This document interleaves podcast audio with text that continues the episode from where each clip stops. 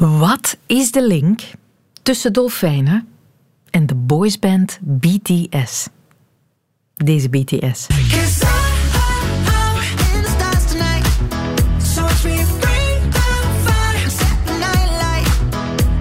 Aha. Even helemaal natuurkrantje hè, voor dit begin. Uh, ik zal meteen vertellen wat de link is. Dolfijnen, die kunnen ook een boysband vormen. Die trekken op die manier vrouwtjesdolfijnen aan. Dolfijnen maken een soort klikgeluid, hè? dat klinkt zo. En ze doen dat blijkbaar ook om vrouwen aan te trekken. Maar ze doen dat niet altijd alleen. Wetenschappers hebben kunnen vaststellen dat mannetjesdolfijnen zich soms ook gaan groeperen om vervolgens volledig synchroon in koor dat soort klikgeluiden te gaan maken. Met als gevolg dolfijnenvrouwtjes die op hen afkomen en die bij hen in de buurt blijven zwemmen gedurende lange tijd. En dat is natuurlijk goed als die dolfijn zich dan op een gegeven moment wenst voor te planten, dan is er een partner in de buurt. Wetenschappers zijn er nog niet over uit of die vrouwtjesdolfijnen die liedjes aangenaam vinden en er zich op die manier aangetrokken toe voelen, of dat het voor hen dreigend overkomt, al die mannen die om hen heen komen klikken en dat ze dus ja, eigenlijk gedwee gaan volgen. Men weet alleen dat het werkt, dat dat koorgezang een ongelooflijke kracht op hen uitoefent. De kracht van koorgezang, dat werkt bij dolfijnen, werkt ook bij mensen. Hoe? Dat is voor in deze aflevering. Welkom in de wereld van Sophie.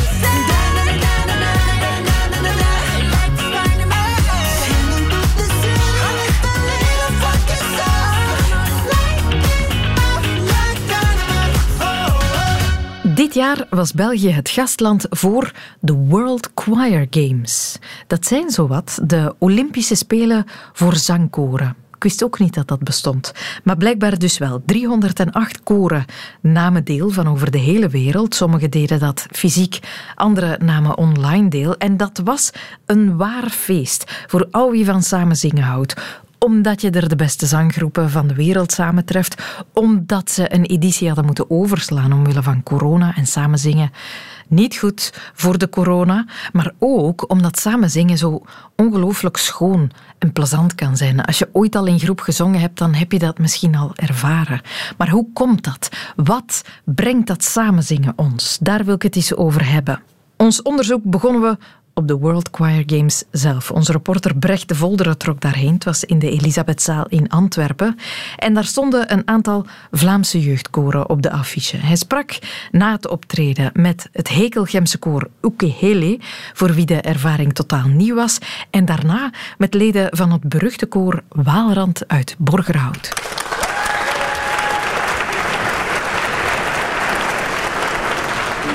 We gaan hier uh, ja, straks het eerste competitieconcert zien voor de, in de categorie jeugd, eigenlijk jeugdkoren. Ze komen net op. We moeten zwijgen. Ja, en dan moeten wij heel hard zwijgen. Dus uh, we gaan ze eventjes laten praten. Welcome back, dear audience. For the next performances, we will meet two Belgian choirs in the open competition in the category Youth Choirs.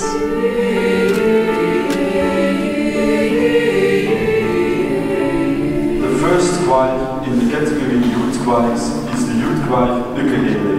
Komt vrienden in de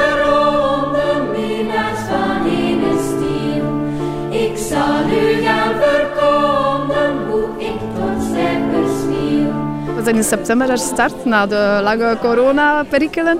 Dus het was spannend. En voor ons is het ook de eerste keer dat we aan zoiets meedoen, aangezien dat wij eigenlijk nog nooit echt buiten onze gemeente hebben uh, gezongen, eh, zal ik maar zeggen. Dus dat was heel spannend zo, met een... Uh, ja, de Elisabethzaal met de jury en alles erop en eraan. Dus, uh, maar ik denk dat het goed gegaan is. Ja, we hebben allemaal toch een goed gevoel, dus uh, het is goed verlopen, denk ik. Ik heb tijdens het optreden alleen uw achterkant gezien, want u stond te dirigeren. Ja, ja, ja dat klopt.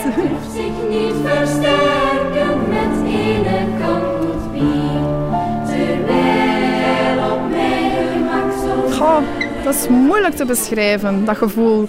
Dat is magie. Magie, al die stemmen samen, dat is... Ik kan dat ook niet goed beschrijven. Ik vind dat zelf ook magisch als ik zo in groep mag zingen, gesteund met mijn medezangers. En ja.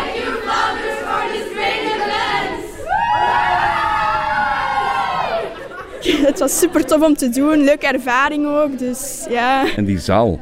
Ja, heel heftig om dat te zien natuurlijk. Het is overweldigend. Jij stond links, uh, derde van rechts, of waar was dat? Uh, ja, links aan de, aan de zijkant ongeveer, in het begin. Ik, ben, ik heb overal een beetje gestaan.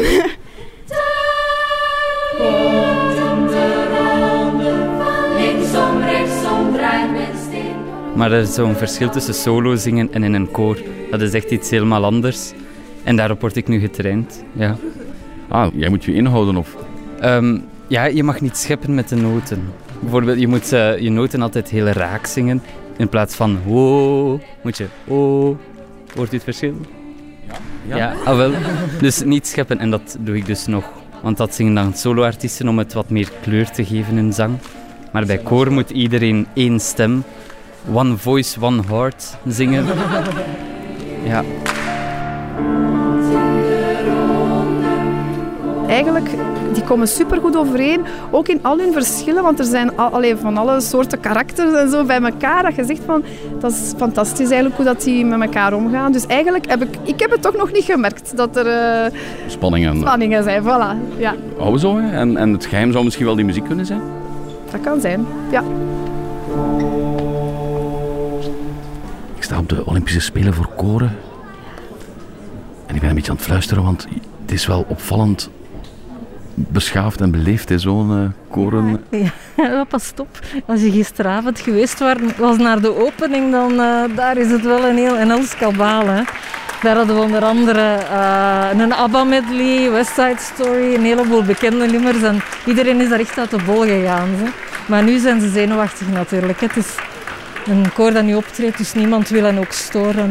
voor hen is dat heel belangrijk vandaag dit is ook een vrij groot koor. Dat is het koor Waalrand uit uh, Borgerhout. En dat is het hoogst gerangschikte Belgische koor. In de top 1000 van de koren wereldwijd. Ja, die staan ergens 136 of zo, denk ik. Uh, dit is het jeugdkoor. Ja, ik denk dat die wel met dit koor met 80 mensen of zo zijn. Heel zenuwachtig, heel zenuwachtig hebben we daarnet gezien. Ja, ze willen absoluut scoren vandaag.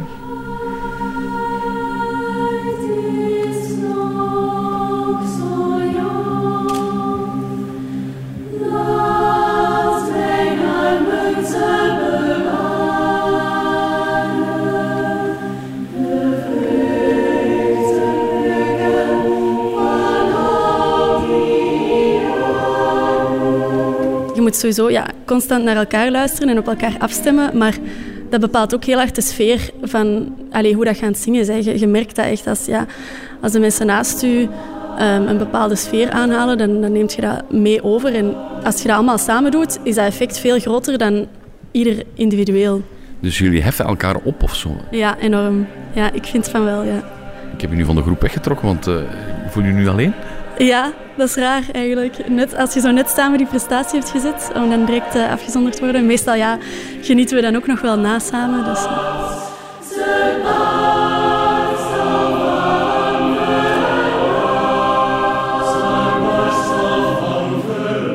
Ja, het, heeft zo, het, het, krijgt een extra dimensie eigenlijk. Je begint zo wat te zweven mee in de muziek, ja. De eerste nummers... Oh, wacht, daar wordt gezongen. Daar wordt gezongen zo waar. We hebben driejarigen vandaag, dus...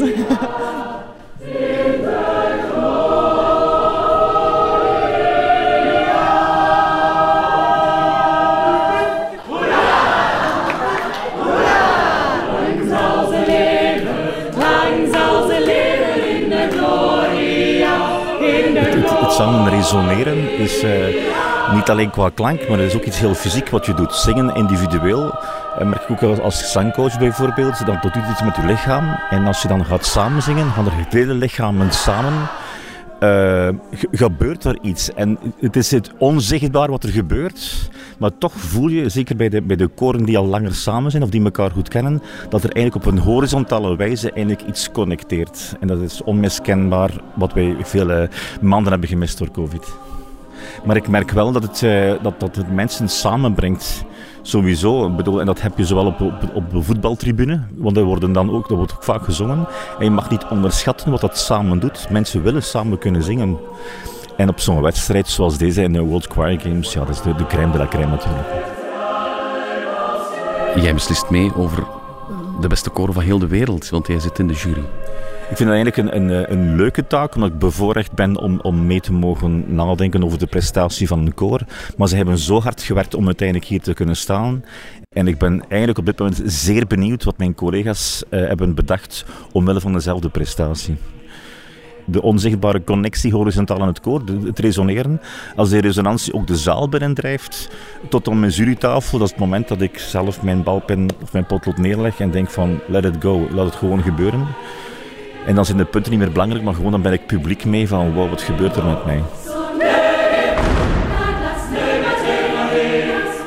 Ik heb alleen jouw rug gezien. Stond jij mee te zingen? Nee, ik zing niet mee.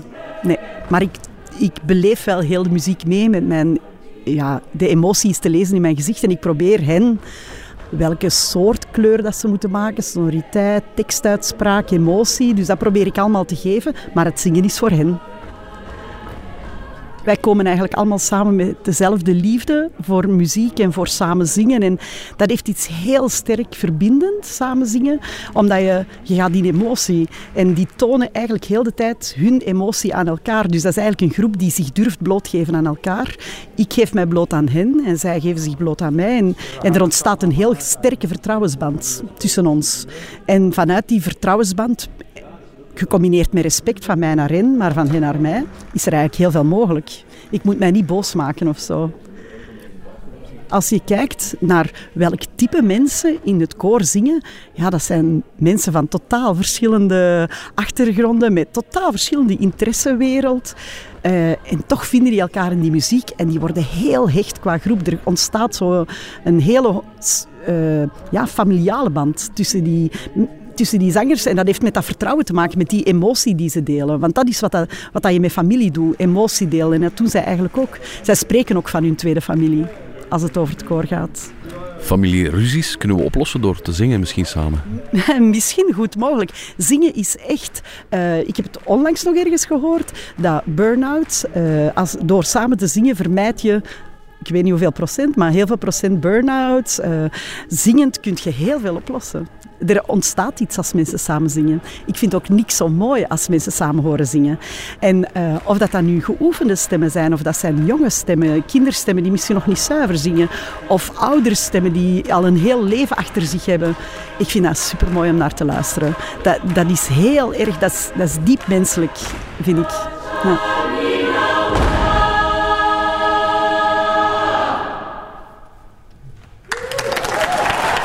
Voor het graag wil weten, ook dit jaar viel het Antwerpse Waalrand in de prijzen. Uh, bij de jeugdkoren althans. In een andere categorie won het Oudenaardse Amarant dik met een all-time highscore van 98,38 punten. Dat zijn dus twee koren die zich dit jaar bij de beste koren van de wereld mogen rekenen. Dat zijn de beste zangers. Maar wat is het mooiste koorlied? Waanzinnig moeilijke keuze. Ga je dan voor dit soort klassieker.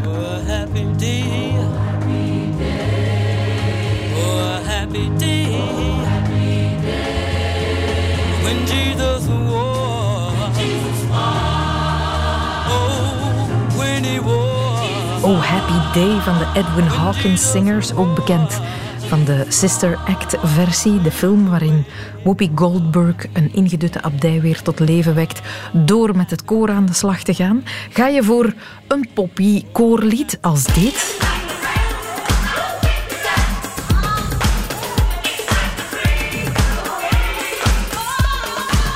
Like a Prayer van Madonna, waar vooral aan het einde van het lied hier dat gospelkoor het nummer overneemt. Op magistrale wijze, moeten we zeggen.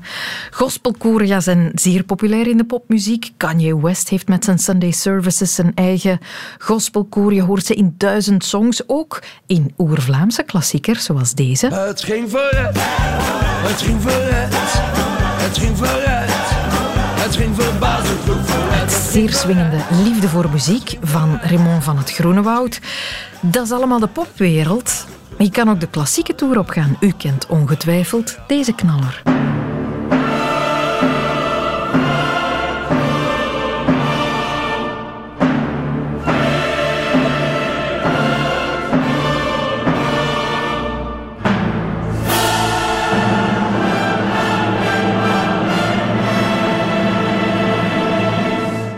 O Fortuna uit Carmina Burana, een middeleeuws gedichten- en liederboek.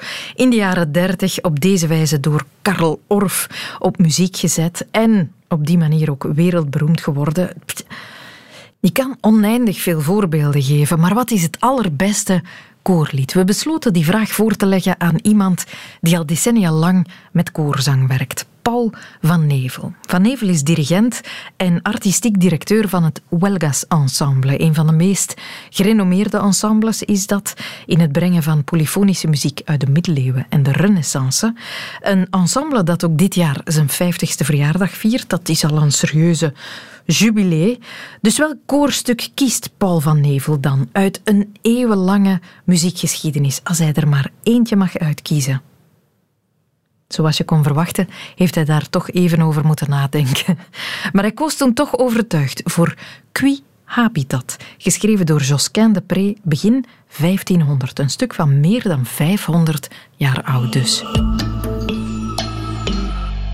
Dat is een, een zou ik zeggen, zowel een, een prachtig esthetisch voorbeeld van polyfonie, eh, vocale polyfonie, als een prachtig staaltje van een ongelooflijke uh, virtuositeit wat compositietechniek betreft.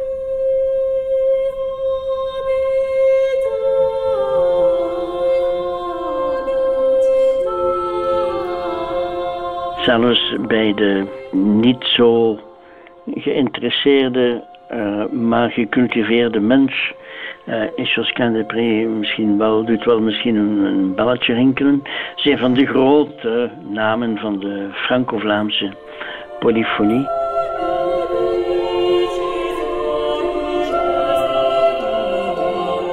En heeft het klaargespeeld om een 24-stemmig motetje te schrijven, Qui Habitat. Um, en die 24 stemmen, je moet goed indenken, in die tijd bestond er geen partituur. Hè. Gelijk niet nu uh, aan de piano simultaan uh, een akkoord spelen. Dat uh, was niet de techniek. De componisten schreven additief, de ene stem naar de andere. En de krachttoer die hij heeft uitgehaald, is dat hij die 24 stemmen verdeelt over vier kanons de stemmen die elkaar perfect uh, uh, imiteren, precies zingt de tweede stem zoals de eerste stem zingt, maar alleen wat later. En voor de derde en de vierde en zo verder is het ook zo.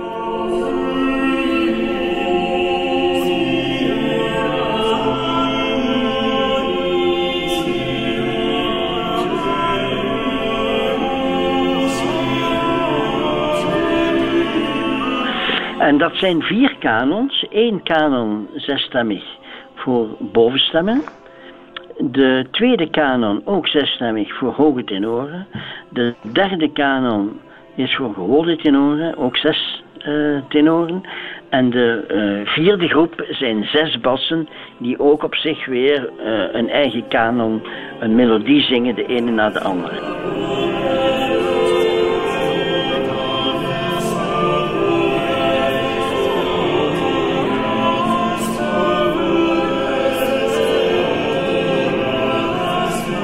Stuk begint dus met één sopraan die zingt. Na twee maten begint de tweede precies hetzelfde te zingen en zo verder. Na een tijdje begint een hoge tenor met zijn eigen melodie te zingen, geïmiteerd door een tweede en zo verder. Dus het duurt een tijdje, het is een één prachtige architectonische opbouw, tot naar het einde toe die 24 stemmen tezamen, elk met hun eigen kanon zingen. Wel, dat is een krachttoer, dat heb ik en uh, nog niemand weten imiteren. En dat was ook een uniek stuk in, in de uh, rond 1500.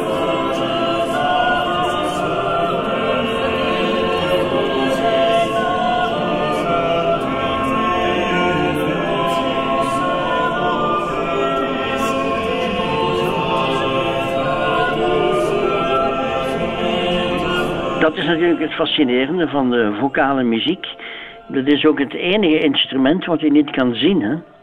Je kan, je kan uh, waarmee het naar buiten komt, geproduceerd wordt, de mond, de lippen, de tong en zo, dat kun je wel zien. Maar het ontstaan van het geluid in de stembanden, dat kun je niet zien. En dat is uh, zowat het enige instrument, hè, het, het instrument wat op dat vlak het, het meest tegenovergestelde is, is het orgel natuurlijk. En daar kun je niet naast kijken, hè, naast een orgel.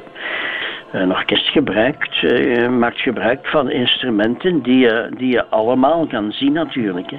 Dat is een beetje hetzelfde als uh, de kunst van de parfums natuurlijk. Dat is ook iets wat je niet kan zien, maar wel kan ruiken. En uh, dat heb ik altijd fascinerend gevonden. Dingen die toch aanwezig zijn, maar die je niet kan zien. Dat, uh, uh, ja, dat, dat is dan toch wel een gedeelte van het fenomeen van de vocale muziek, denk ik. Ja.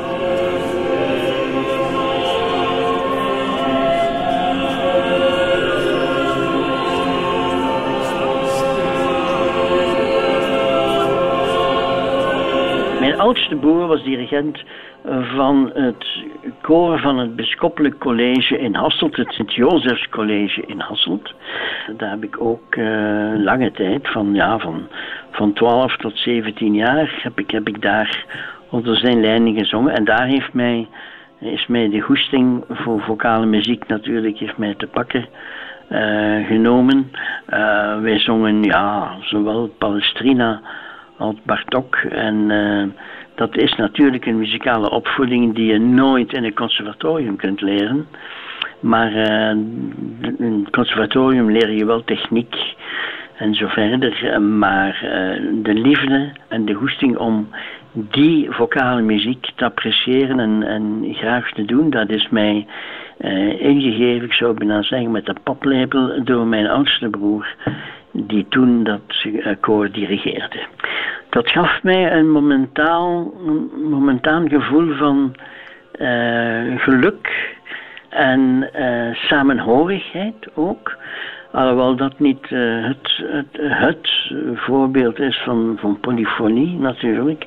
Polyfonie is een, vrij egoïstische kunst waar elke stem zijn eigen ritmiek heeft en, en, en zijn eigen evolutie heeft. Maar het feit dat, dat ik kon meezingen uh, in, dat, in dat koor uh, en ook dat repertoire zong, op het moment zelf misschien onbewust, maar achteraf bleek dat toch een zeer belangrijke invloed gehad hebben in mijn emotioneel uh, leven uh, op dat ogenblik tussen, tussen 12 en 16 jaar. Nou ja.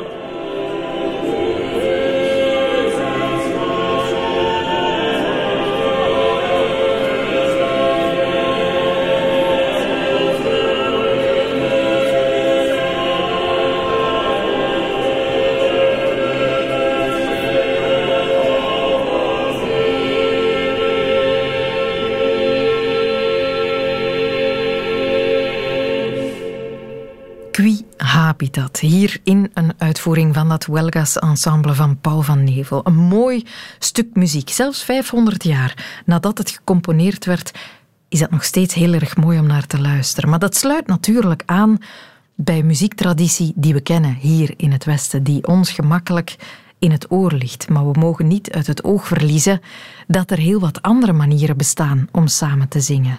Net zoals onze talen en gebruiken wereldwijd verschillen, verschillen onze zangstijlen ook. Dirk Moelans bestudeert die zangstijlen al jarenlang. Hij is professor etnomusicologie aan de Universiteit Gent. En hij liet ons kennis maken met een aantal zeer bijzondere zangstijlen. Te beginnen bij de samenzang van herders in Sardinië. Ja,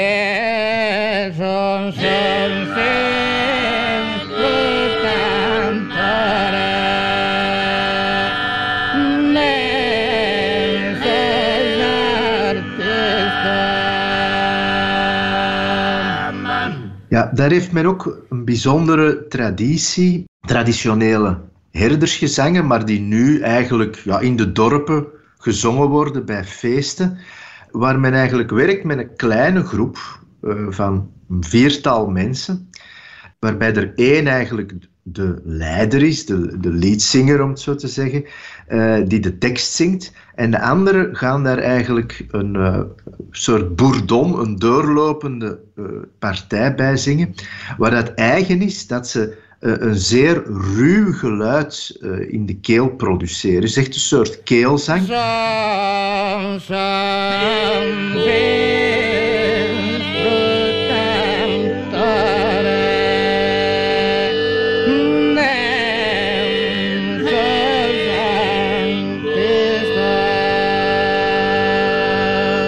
hoort ook altijd zeer veel gekuch en zo, terwijl dat ze zingen. Als je er naar luistert, hoor je voor...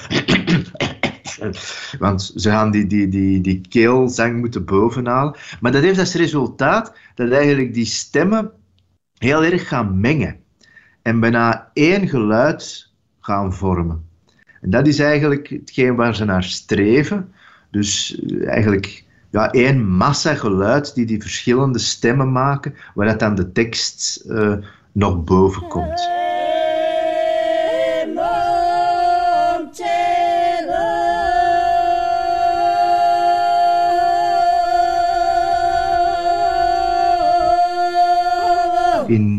Oost-Europa heb je eigenlijk zeer veel verschillende tradities van polyfonie, van meerstemmig samenzingen. In Bulgarije heb je een bijzondere vorm eh, met name in het uh, noordwesten van Bulgarije, de regio Sofia.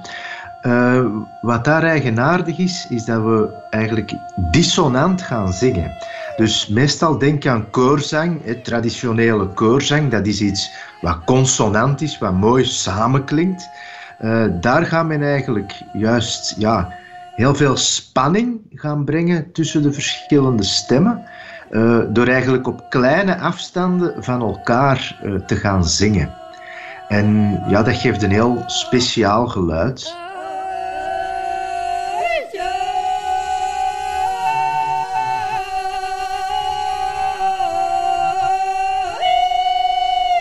Dat is iets dat wij eigenlijk automatisch met koorzang gaan associëren. Dan, ja, het is koor, ja, het zal wel meer stemmig zijn. Vanaf het Midden-Oosten, dat eigenlijk grootste delen van Azië heeft men niet die traditie, wel van samen te zingen, maar eenstemmig. Daar kunnen dus wel uh, bijzondere manieren van zingen in zitten, zoals bijvoorbeeld uh, in Mongolië, waar men een bijzondere boventoonzang heeft. Uh, dat is ook, ook, een soort van keelzang, maar door eigenlijk de mondstand te variëren, gaat men eigenlijk de, de boventonen die in die klank zitten, er gaan uithalen. Ik kan dat een klein beetje, maar misschien niet goed genoeg uh, voor op de radio. dus het idee is dat je...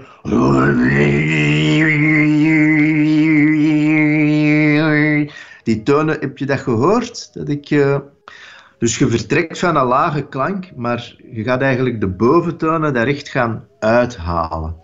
Dus als je goed op die boventoon zang gaat oefenen, dan kan je daar variatie in krijgen en echt melodieën gaan bouwen met die boventonen die je uit die keelzang eigenlijk gaat halen.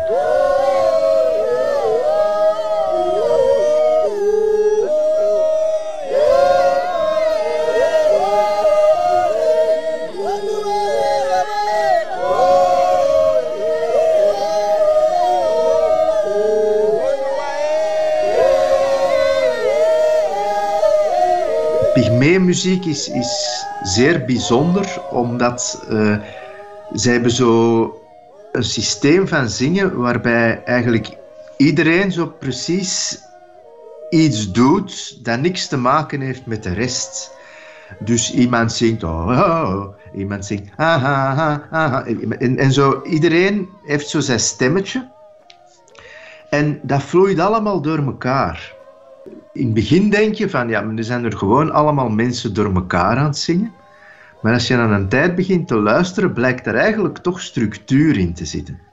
En uh, gaan we daar zelfs ja, een, een, een ritme bij gaan zetten, waardoor dat blijkt dat, ja, eigenlijk hoort dat allemaal bij elkaar. En er wordt ook gezegd dat dat te maken heeft met uh, ja, eigenlijk de sociale organisatie bij die volkeren, waar dat er eigenlijk ook geen hiërarchie is.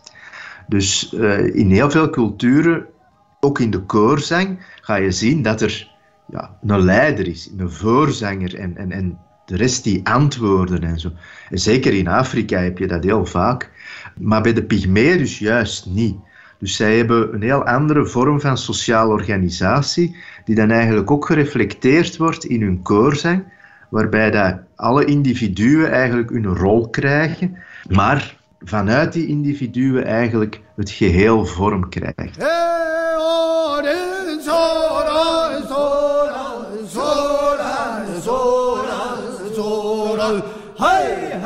Dat is iets dat bij ons ook bestaat, dat in zeer veel culturen bestaat, is dat er eigenlijk werkliederen zijn.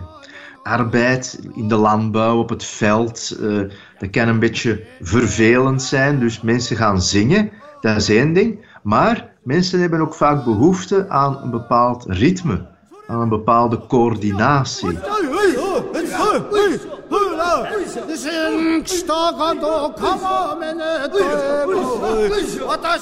Dat is een van de redenen die men opgeeft als oorsprong van muziek. Dat eigenlijk ja, mensen nood hebben aan coördinatie en op die manier samen gaan zingen om eigenlijk een gemeenschappelijk doel te bereiken. En dat is een heel duidelijke illustratie daarvan. Dus eigenlijk vissersliederen uit Hokkaido, het Noordeiland in Japan, waar ze werken met uh, lange sleepnetten. Dus die moeten over een vrij lange afstand tegelijk worden opgehaald. Als dat ongelijk loopt, dan draai je in knopen en dergelijke, dus dat moeten we vooral vermijden. Dus zal je zien dat er een, een hoofdzanger is die eigenlijk gaat oproepen om de netten te gaan binnenhalen. Tezamen uh, gaan ze zingen om dat eigenlijk ritmisch ja, die netten te gaan binnenhalen. Nu, dat is iets dat is zeer traditioneel van dus Hokkaido, uh, in het noorden van Japan. Maar dat is iets dat elke Japanner kent. Mochten er Japanners luisteren, dat is echt zo een cultureel element geweest. Er zijn zeer veel allerlei vormen van bewerkingen van. En een dans die eigenlijk gebaseerd is op dat binnenhalen van die netten, dat is ook iets dat standaard in Japanse scholen wordt onderwezen. Dus dat is iets dat van redelijke obscure afkomst eigenlijk een cultureel element is geworden in heel Japan.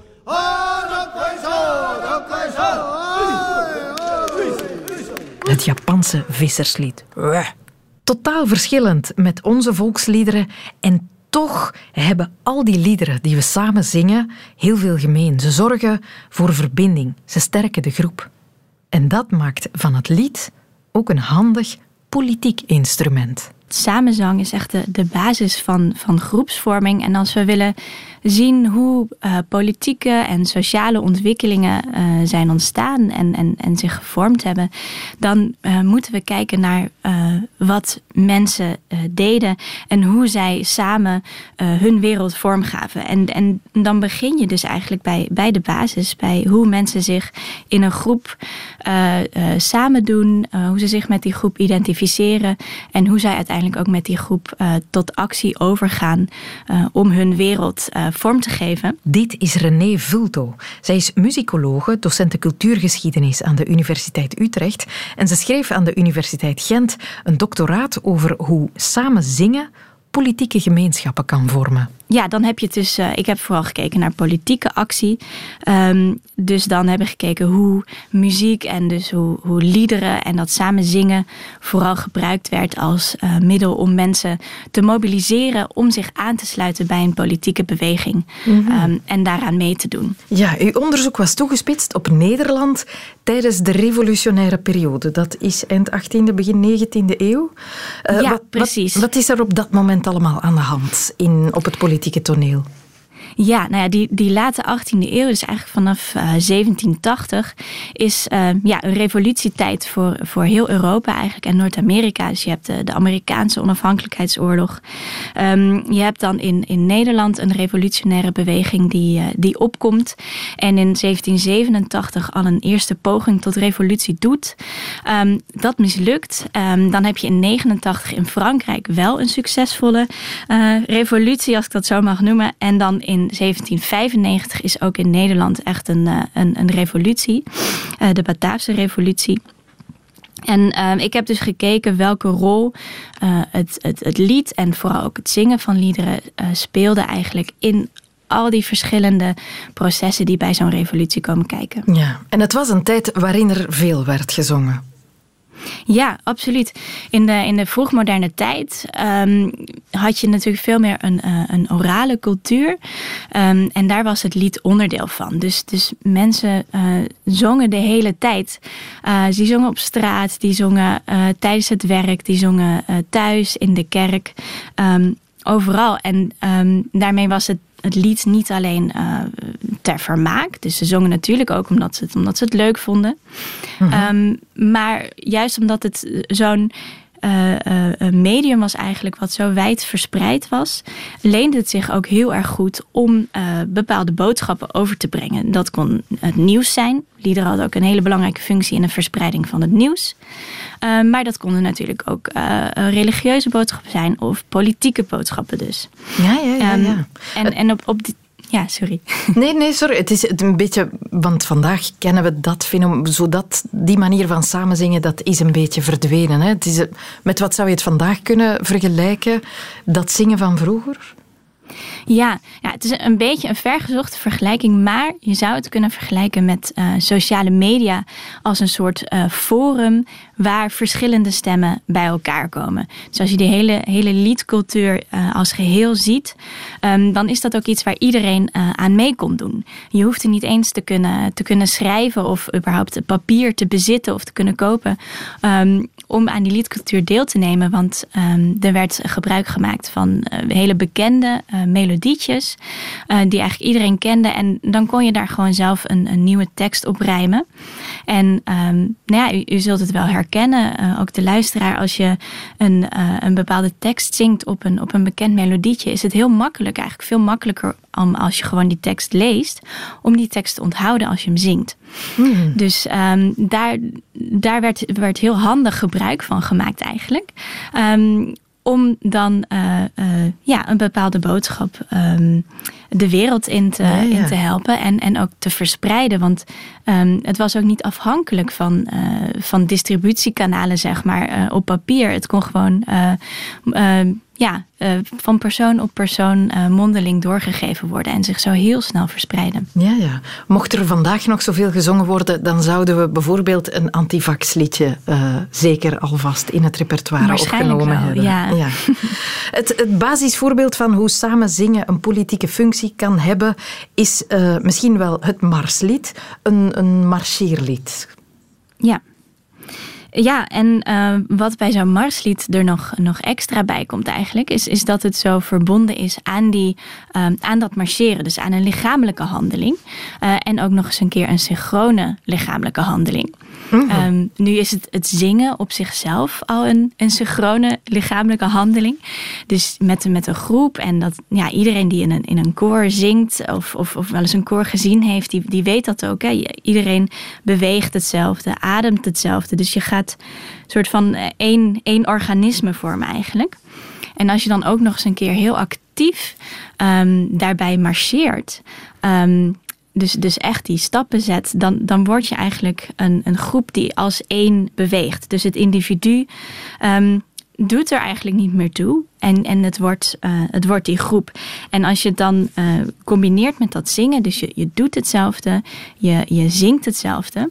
En marsliederen gaan ook heel vaak, zeker um, ja, nationalistische marsliederen, dus politieke marsliederen, um, spelen heel vaak in op de gevoelens. Op die gevoelens van vaderlandsliefde en het, het hart dat voor het vaderland uh, klopt. En, en um, Mm-hmm. En daardoor, um, als je dan die marsliederen zingt en daarbij marcheert, dan beweeg je hetzelfde um, en je, je voelt ook hetzelfde. En dat, en dat uh, uit je dan ook nog eens een keer met z'n allen. Dus dat, dat versterkt elkaar ontzettend. En dat was natuurlijk iets waar. Um, ja, politieke bewegingen zich ook heel erg uh, bewust van waren. En daardoor dat, uh, dat Marslied ook heel graag uh, inzetten om mensen dus ja, te, te bewegen aan hun politieke um, doelen mee te doen. Ja, ja, ons nationale volkslied is zo'n Marslied. Hè? Ik zal het even laten horen. Ja, Dit is de Brabantsonne.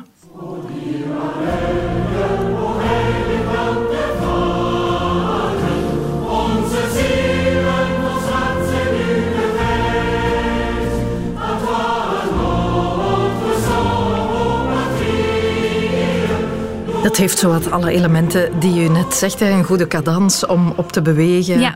En het gaat Ja, over het land en zo. En dat ja. versterkt de band onderling. Eh, of gaat het vooral over die vaderlandsliefde die hiermee moet versterkt worden? Nou ja, dat is dus ehm, de tweede stap. Dus het, het, eh, het idee, zo'n marslied vormt dus in eerste instantie de, de, de groep die daadwerkelijk op zo'n moment aan het zingen is. En dan eh, het, het, het, eh, het uiteindelijke doel is natuurlijk om een soort eh, bij te dragen aan een soort nationaal bewustzijn. En ehm, daarvoor heb je bijvoorbeeld eh, de term verbeelde gemeenschap. En ehm, daar had zo'n nationaal lied een hele belangrijke functie in, omdat ehm, mensen wisten dat niet alleen wij als groep zijn dit op dit moment aan het zingen, maar in het hele land zijn groepen mensen, zijn mensen dit lied aan het zingen. Dus wij zingen allemaal hetzelfde. En wij zijn allemaal onderdeel van, eh, van die natie. Ehm, ehm, je, hoeft, ja. je hoeft niet per se op dat moment samen in dezelfde ruimte samen aan het zingen te zijn. Het werkt zelfs verbindend als je op je eentje op een berg zit, je in te beelden dat andere mensen dat lied ook zingen. Ja, precies. Omdat je dan ja, je op die manier eh, eh, verbonden eh, kan voelen met eigenlijk de rest van de natie. En het is natuurlijk altijd de vraag in hoeverre. ehm, kijk, die liederen zijn allemaal. Dus de Brabantsonne en de Marseillaise en, en ook het Nederlandse volkslied zijn allemaal een beetje eh, ontstaan in zo'n tijd waarop zo'n nationaal bewustzijn heel erg eh, van bovenop eh, op de mensen opgelegd werd. Dus het is natuurlijk altijd een beetje de vraag in hoeverre dat ook, ook echt doorwerkte. Ehm, maar ja, het, het feit dat we die liederen nog steeds eh, zingen, ehm, zegt wel dat er, dat er toch wel eh, ergens iets, eh, iets werkt. Ja, het doet wat denken aan hoe men tijdens de coronacrisis ook begon te zingen. Hè. Al was het via het internet, alleen thuis. Had toch het idee dat je... Ja, mensen begonnen dan samen hun bandjes door te sturen naar elkaar en dat te monteren tot een geheel. Dat is ook die verbeelde gemeenschap dan. Ja, ja, precies. En, en, en dan merk je dat ehm, zoiets heel erg belangrijk is. Die, ehm, dat bewustzijn van nou, we zijn niet alleen, maar we zijn, we zijn een groep. En zeker in, in crisissituaties, zoals een, een revolutie is natuurlijk ook een crisissituatie. En, de- en de coronacrisis was ook een crisissituatie. En dan gaan mensen op zoek naar, naar iets wat, eh, wat hen verbindt ehm, en wat hen troost en wat hen moed geeft. Mhm. Men gebruikte soms ook blijkbaar bestaande melodieën met telkens weer een nieuwe tekst. Waarom deed men dat? Was het om het eenvoudig te houden? Ehm, ja, onder andere. Dus ehm, ja, dat, soort bekende eh, deuntjes, die, ehm, ja, die, die kende gewoon iedereen. Dus dan hoefde je eigenlijk niet een nieuwe melodie te leren om zo'n liedje te kunnen zingen. Dus op de, op de liedjes die ik eh, bestudeerd heb, dat waren vaak hele eh, eenvoudige. Dat was gewoon één, één blaadje op goedkoop papier. Daar stond dan een tekst op gedrukt of op geschreven. En dan stond er te zingen op de wijs van. En dat, zijn, eh, dat zijn melodietjes die we, die we nu nog steeds kennen. Eh, bijvoorbeeld eh, Alle eentjes zwemmen in het water. Of Ik zag twee beren broodjes smeren. Ah, maar ja, zo, Ehm, zo ja. simpel van melodie. Ja. Ja, precies. En ehm, dat was natuurlijk ook de, de kracht van die liederen. Want, want iedereen kon dat zingen. Je hoefde geen eh, operazanger of zangeres te zijn ehm, om, om zo'n lied te kunnen zingen. Ook, ja, ook al dacht je van jezelf, ja, ik kan helemaal niet zingen. Iedereen kon dat gewoon zingen. En dan was zo'n tekst was dan ook, eh, ook snel daarop, eh, ja, Mhm. daarop gezet. Ja, zo'n geleid... ook Ja, sorry, zegt u maar.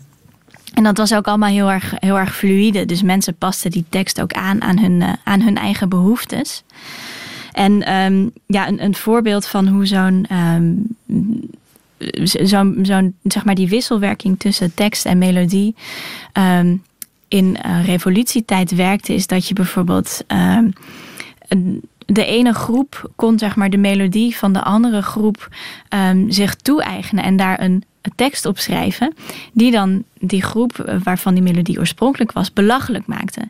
Dus op die manier was het ook nog een soort van een, een, een extra eh, manier om spotliedjes wat, wat extra venijn te geven. Ja, ja, ja. U heeft ons zo'n voorbeeld bezorgd. Uh, ik zal het even laten horen. Ja. Al is er ons pregentje nog zo klein in hoezee. Al is er ons pregentje nog zo klein in hoezee.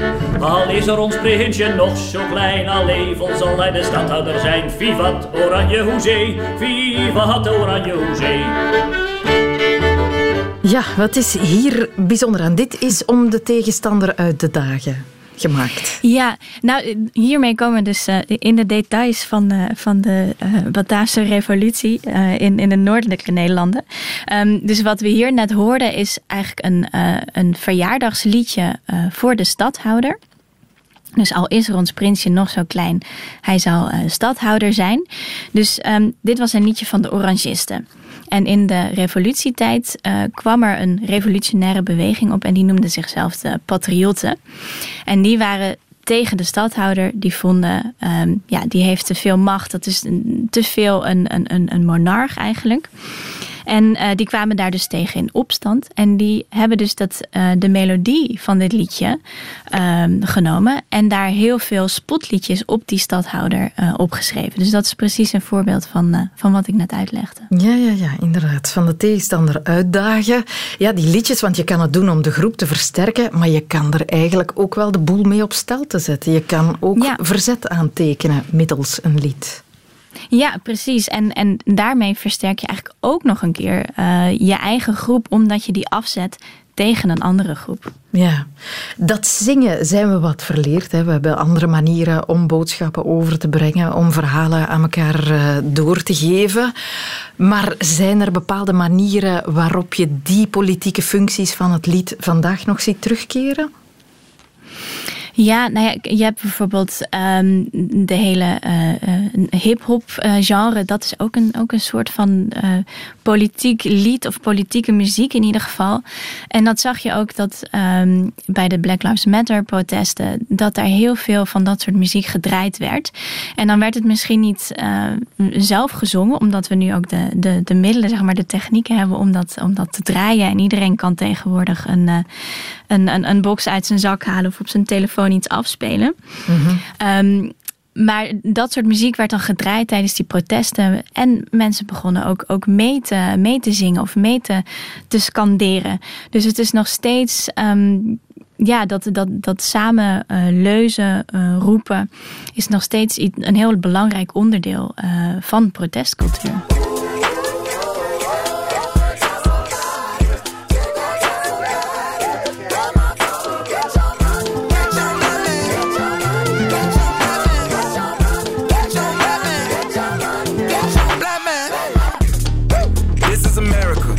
America.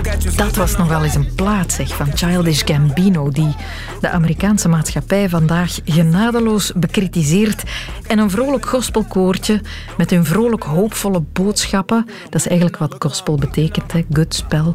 Positieve, vrolijke boodschap. Die knalt die gewoon neer in de clip van dat nummer. Samen zingen, samen muziek luisteren heeft ook vandaag nog een politieke functie. En heeft dus ook het potentieel te verdelen en twist te zaaien. Weet je waar samenzang dat nog doet? In onze voetbalstadions.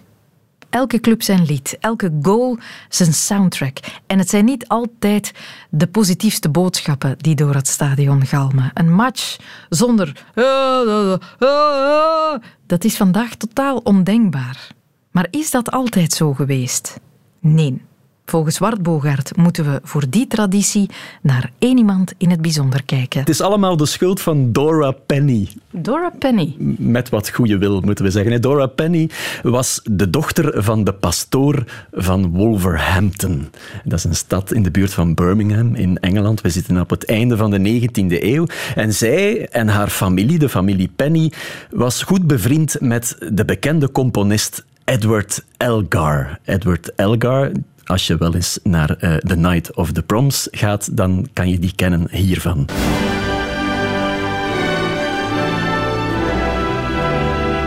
Ja. Oh ja. Ja, Land of Hope and Glory zingt iedereen dan mee. Heeft ook alles van, van een goede voetbalhymne, wat het vreemd genoeg niet, niet geworden is. Maar die Dora Penny, die woonde vlakbij het stadion van Wolverhampton. Uh, dat is de ploeg trouwens, waar vandaag Leander den Donker uh, mm -hmm. speelt. Mm -hmm. Dat wist zij toen niet, dat kon zij toen uiteraard nog niet weten. Maar goed, en zij stuurde, zij was een, een echte supporter ook van Wolverhampton, en zij stuurde op een dag in 1888 een krantenartikel over een match van Wolverhampton naar Edward Elgar. En die Elgar, zijn oog, ja, die, dat viel op een klein zinnetje in dat artikel. Het zinnetje He banged the leather for goal. Vertaald naar hedendaags Nederlands supportersjargon betekent dat zoiets als hij buffelde de bal in doel. Uh, dat zinnetje dat ging over de toenmalige spits van Wolverhampton, de heer Billy Malpass. Malpass, je zou dat met wat slechte wil kunnen vertalen als slechte pas. Hè? Maar uh, Edgar, uh, Elgar, uh, Edward Elgar, sorry, die vond dat zo intrigerend, dat ene zinnetje, he banged the leather for goal, dat hij een compositie heeft neergekrabbeld in een briefje naar Dora Penny. En dat is dan, volgens vele bronnen, de alleroudste voetbalhymne ah, ja. geworden. Nu, het probleem is, dat ding is nooit opgenomen. We weten zelfs niet zeker of het ooit echt veel is gezongen in de tribunes van Wolverhampton. En ik heb alleen, een, als je het mij niet kwalijk neemt, laat ik het even horen, een, een kleine karaoke-versie op het internet gevonden. Moet eens luisteren.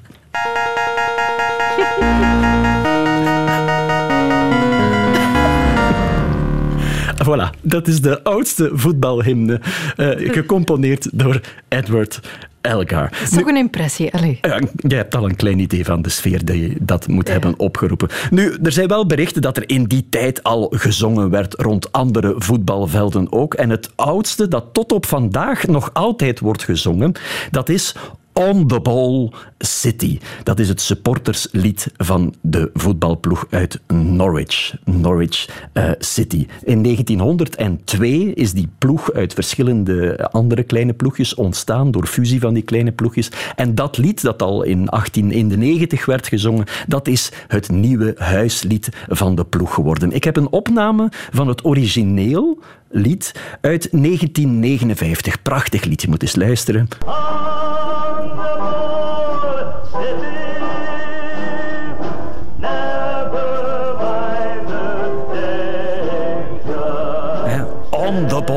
City, never mind the danger. Steady on, now's your chance. Hooray, we've scored a goal. Prachtig, me prachtige melodie. Ja, een groot mezingpotentieel. Een groot mezingpotentieel. En je moet eens luisteren hoe ze het nu zingen.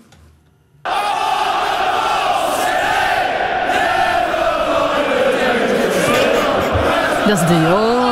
Ja, dat sluit al helemaal aan bij jouw impressie van daarnet. Uh, een kleine tussentijdse conclusie die we al kunnen maken. Voetbalsupporters hebben geen groot gevoel, nog voor ritme, nog voor uh, toon. Melodie. Ja. ja.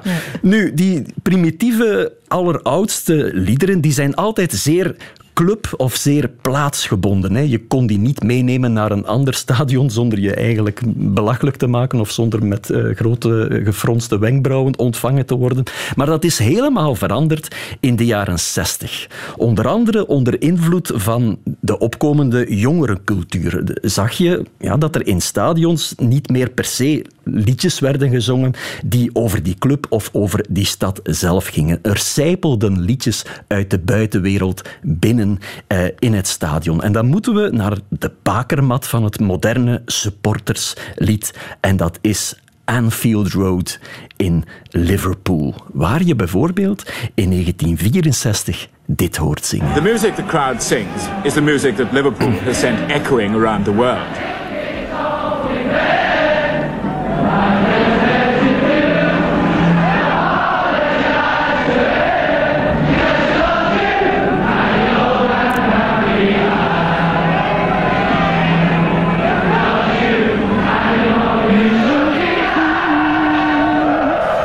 Fantastisch. Hè? Het is een heel stadion dat She Loves You van de Beatles zingt. Een lied dus van een, van een band die de stad Liverpool op de wereldkaart heeft gezet. En dat dus daar wordt gezongen als trots van de stad uh, Liverpool. In diezelfde periode trouwens wordt er op de tribunes in Liverpool ook dit gezongen. And the Liverpool signature tune of Will Never Walk Alone, rising from the terraces.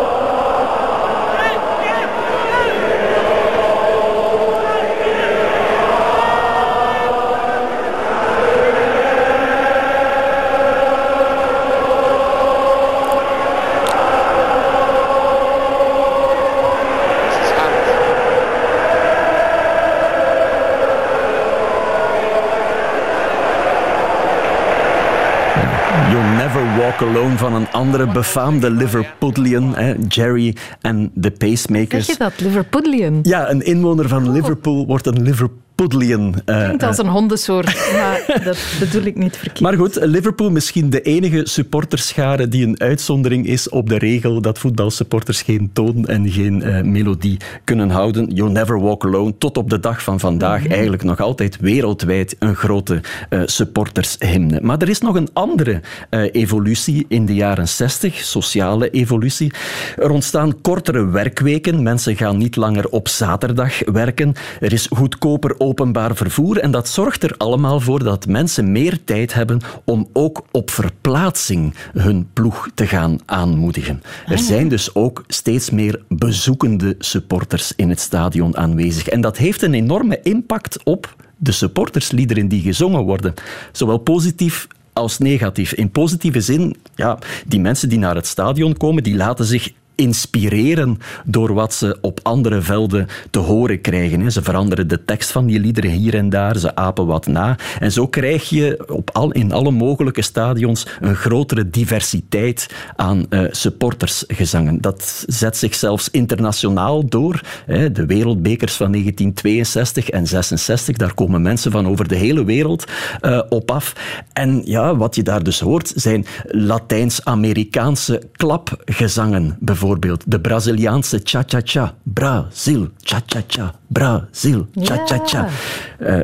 Uh, uh, ploegen uh, die wiens naam uit drie lettergrepen bestaat, zijn natuurlijk bevoordeeld in deze. Hè. Bijvoorbeeld Anderlecht. Anderlecht enzovoort. Lastig met standaard. Ja, dat is lastig met standaard of met Club Brugge of met... Ja. ja en, en er rolt ook al eens een, een olé van de tribune die uit eh, Zuid-Europa komt dan, uit Spanje komt bijvoorbeeld.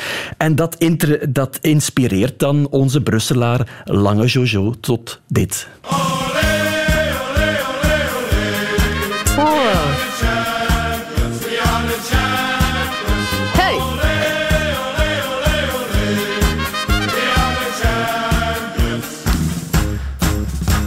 Dat was dus oorspronkelijk een supporterslied voor Anderlecht uit 1985, dat Lange Jojo in 1986, naar aanleiding van uh, de Mundial, het WK in Mexico, heeft vermexicaanst. En dat is een wereldhit geworden. Hè. Zoals je weet zijn de Rode Duivels heel ver geraakt op dat toernooi. Ze zijn heel lang meegegaan. En dat lied is dus ja, heel vaak te horen geweest in Mexicaanse stadions. Dat is internationaal opgepikt. Dat is een wereldwijde stadionhit. En vooral een wereldhit geworden voor Lange Jojo zelf.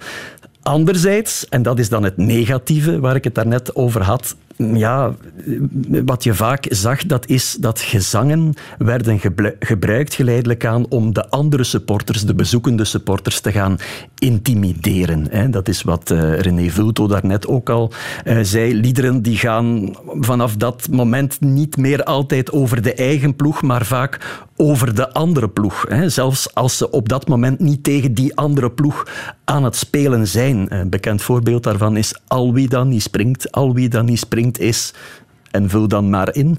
Uh, dat is nog allemaal redelijk onschuldig, maar dat leidt soms ook tot uh, excessen. Hè. We herinneren ons allemaal Noah Lang van Club Brugge, die op de titelviering op Anderlecht meezong met de supporters. Uh, liever dood dan Sporting Jood. op de tonen trouwens van When the Saints Go Marching In, wat op zichzelf dan alweer een bekende voetbalhymne was ontstaan in Liverpool toen ze daar een speler hadden, Ian St. John, met als bijnaam The Saints. When the Saints Go Marching In enzovoort. Een andere excess, uh, zeer bekend ook, alle boeren zijn homo. Hè, Benito Raman van A-agent toen nog, die uh, zo uh, zich richtte aan de supporters van de aardsvijand Club Brugge. Alle boeren zijn homo op de tonen van Seven Nation Army van de White Stripes. Um, dat is natuurlijk op zich ook een beroemde voetbalhymne geworden. Even luisteren.